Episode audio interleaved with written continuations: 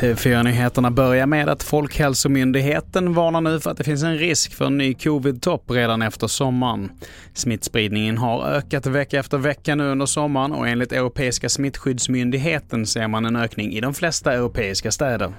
Enligt experter kan antalet sjuka skjuta i höjden redan om några veckor när många börjar återgå till arbete och studier och att folk då har mer kontakt med andra människor inomhus. Och reporter här var TV4s Nadja Norton. Vidare till Filippinerna där ett kraftigt jordskalv har skakat huvudön Luzon under natten. Skalvet som inträffade på norra delen av ön hade magnituden 7,1 på Richterskalan och flera personer har fått föras till sjukhus.